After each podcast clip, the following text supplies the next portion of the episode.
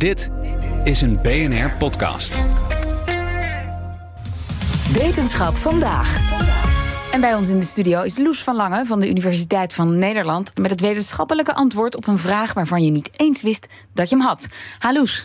Hallo. Nou, welke vraag gaan we beantwoorden? Ja, de vraag is: bestaat het Stockholm-syndroom eigenlijk wel? Heb je er wel eens van gehoord? Zeker, zeker. Dat, je, dat is toch dat je gaat houden van degene die jou in gijzeling neemt of ontvoert? Ja, ja, nou dat zou kunnen gebeuren. Of dat is wel inderdaad uh, hoe het ooit begon, 50 jaar geleden. Uh, in 1973 werd er een bank in Stockholm overvallen. En dat was een zesdaagse gijzeling.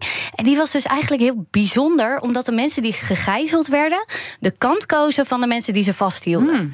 Uh, en ze kregen eigenlijk negatieve gevoelens naar de politie, of de mensen die er dus voor hen waren. En na de vrijlating hadden ze nog steeds, of enkele van hen, positieve gevoelens voor de gijzelnemers. En er was toen al een Zweedse psychiater die zoiets had van: hier ziet bijzonders aan de hand. En, en, ontstond toen ook de naam? Was hij, die psychiater, degene die het syndroom zo noemde? Nou, dat kwam eigenlijk een half jaar later. Toen was er een vergelijkbare zaak van Patricia Hearst in Amerika. Zij was een dochter van een krantenmagnaat en ontvoerd door linksextremisten.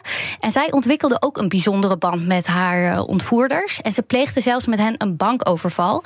En toen was er een Amerikaanse psycholoog die herkende het gedrag uit Stockholm. En mhm. hij is dus ook echt uh, de naamgever ah. uiteindelijk geweest. Hij schreef het voor het op.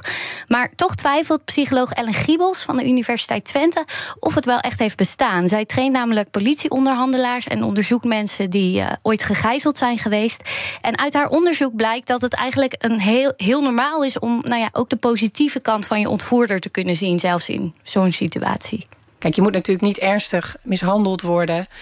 Uh, maar als iemand toch op momenten aardig tegen je is, uh, je wat begrip op kunt brengen en je gevoel hebt dat die ander jou laat leven, hè, want het is eigenlijk ook een soort dankbaarheid dat die ander jou in leven laat in zo'n ernstige situatie, ja, dan is het helemaal niet zo gek dat dat soort gevoelens ontstaan. Je bent eigenlijk maar met één ding bezig en dat is overleven. Ja, en dan doe je alles om te kunnen overleven. Dus het is ook heel verstandig in zo'n situatie om uh, een goede band te ontwikkelen met degene die jou vasthoudt.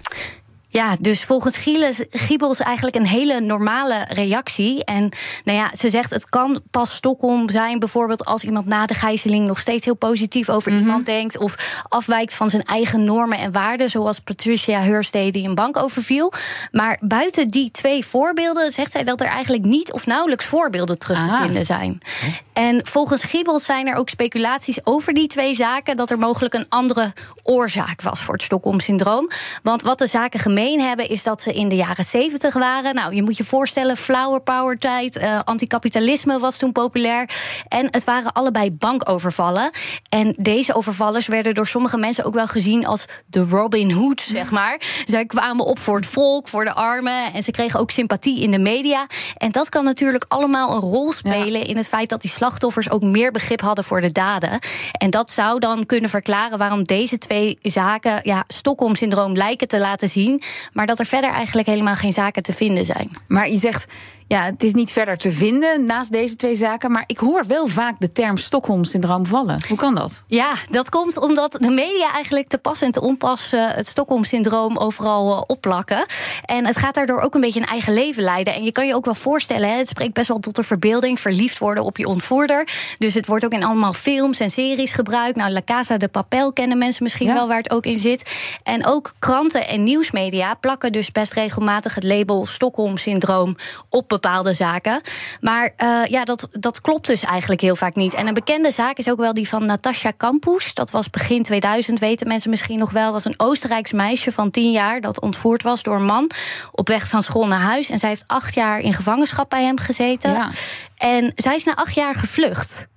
Er gaan natuurlijk verhalen rond over dat toen uiteindelijk haar ontvoerder zich voor de trein uh, wierp dat zij moest huilen. Uh, zij heeft ook het huis heeft ze georven van hem. En dat houdt ze nog in stand in de originele staat. Daarvan denk je, god, dat is wel heel bijzonder, laat ik het zo zeggen. Dat lijkt toch een authentieke, positieve, emotionele band. Tegelijkertijd is zij gevlucht. Ja, en het feit dat zij dat heeft gedaan, is echt wel een contra-indicatie voor het Stockholm-syndroom. Ja, dus volgens Giebels zou je niet vluchten als je echt zo'n positieve band met iemand hebt. Sterker nog, wat zij ziet in haar onderzoek is dat mensen die in gijzeling zitten, ook mensen zonder Stockholm-syndroom, die denken er vaak niet eens aan om te vluchten. En zo zijn er eigenlijk nog veel meer voorbeelden, zegt zij, waar je vraagtekens bij kan zetten van was hier wel daadwerkelijk sprake van het Stockholm-syndroom. En volgens haar is het dus zelfs kwalijk als je uh, het Stockholm-syndroom op de verkeerde manier gebruikt door het feit dat wij er met z'n allen zo makkelijk over praten en zo'n etiketje heel makkelijk opplakken, ja, eigenlijk traumatiseer je mensen voor een tweede keer.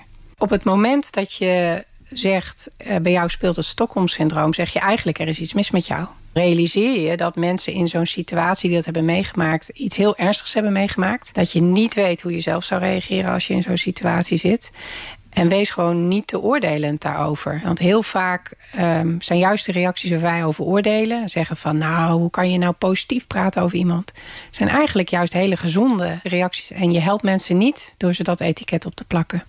Ja, dus eigenlijk een pleidooi of oproep van Giebels om minder snel overal het label Stockholm-syndroom op te nou, plakken. Dat is een uh, goede les en ook wel weer heel actueel nu met de gijzelaars in, uh, door Hamas. Zeker, absoluut. Israël. Ja. Dankjewel, Loes van Lange van de Universiteit van Nederland.